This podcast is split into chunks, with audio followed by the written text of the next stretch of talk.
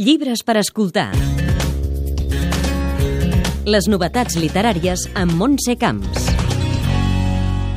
Avui us proposem passar fred i por. Benvinguts a la terridora novel·la Amor.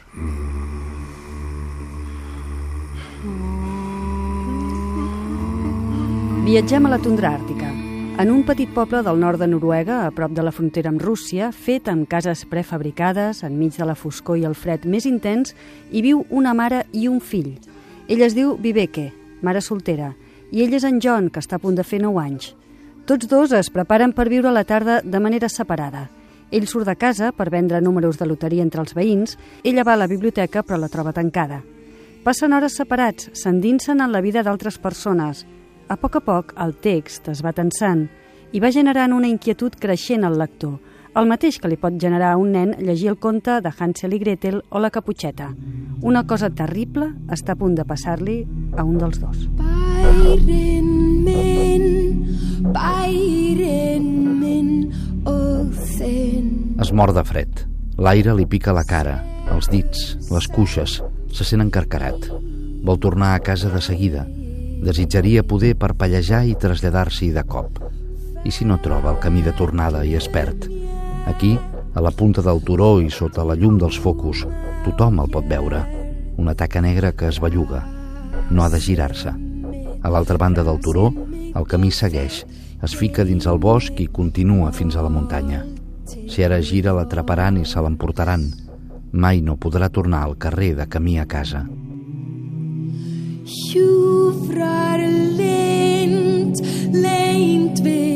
L'autora de la novel·la és Hanne Orstavik, una de les escriptores més importants de Noruega.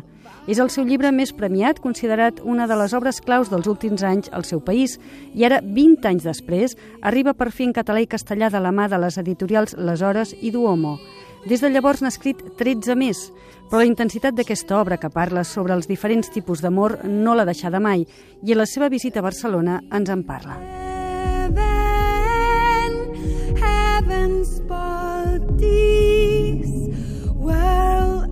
Per què va escriure Amor? Vaig començar a escriure Amor quan va néixer la meva filla. Estava obsessionada amb la pregunta com podia saber ella que jo l'estimava? Li pots dir a una persona moltes vegades que l'estimes, però com sap aquesta persona que és cert? Aquesta pregunta m'obsessionava. Quan vaig tenir la meva filla també vaig examinar la meva pròpia infància com si fos una ferida. Tenir un fill és aterridor.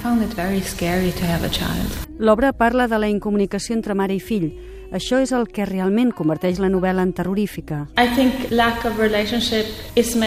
La falta de relació segurament és el que provoca més por de la novel·la i és el pitjor que podem experimentar, no tenir relació. Hi ha un psicòleg infantil que va fer un experiment èticament dubtós als anys 50. Va agafar nens d'orfenats i els va privar de contacte. El 40% van morir després de dos anys. Un experiment que ara, òbviament, no es faria, però queda clar que no tenir contacte és realment aterridor. It is scary.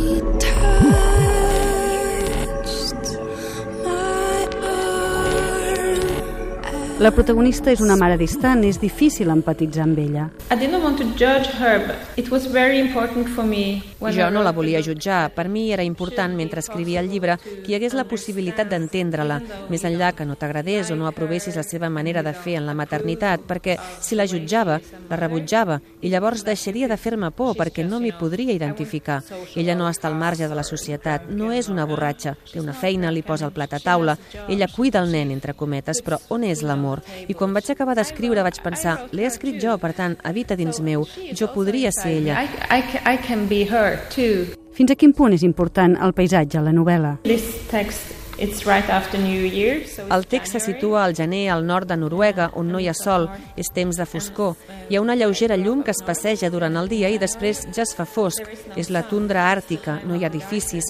El cel adquireix una dimensió enorme. És gran, fosc, amb estrelles, amb aurores boreals de color rosa i lila, però a la novel·la el més important és la foscor immensa i, de fet, John, el nen, diu que està a punt de desaparèixer en l'univers.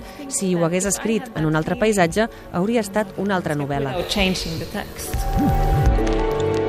Hanne Orstavik diu que cada llibre és una recerca que intenta donar resposta a preguntes vitals. On és l'amor? Una pregunta que encara no té resposta. L'escriptor té l'última paraula. Viure sense llegir és perillós, perquè obliga a conformar-se amb la vida. Michel Houellebecq. Llibres per escoltar. Les novetats literàries amb Montse Camps.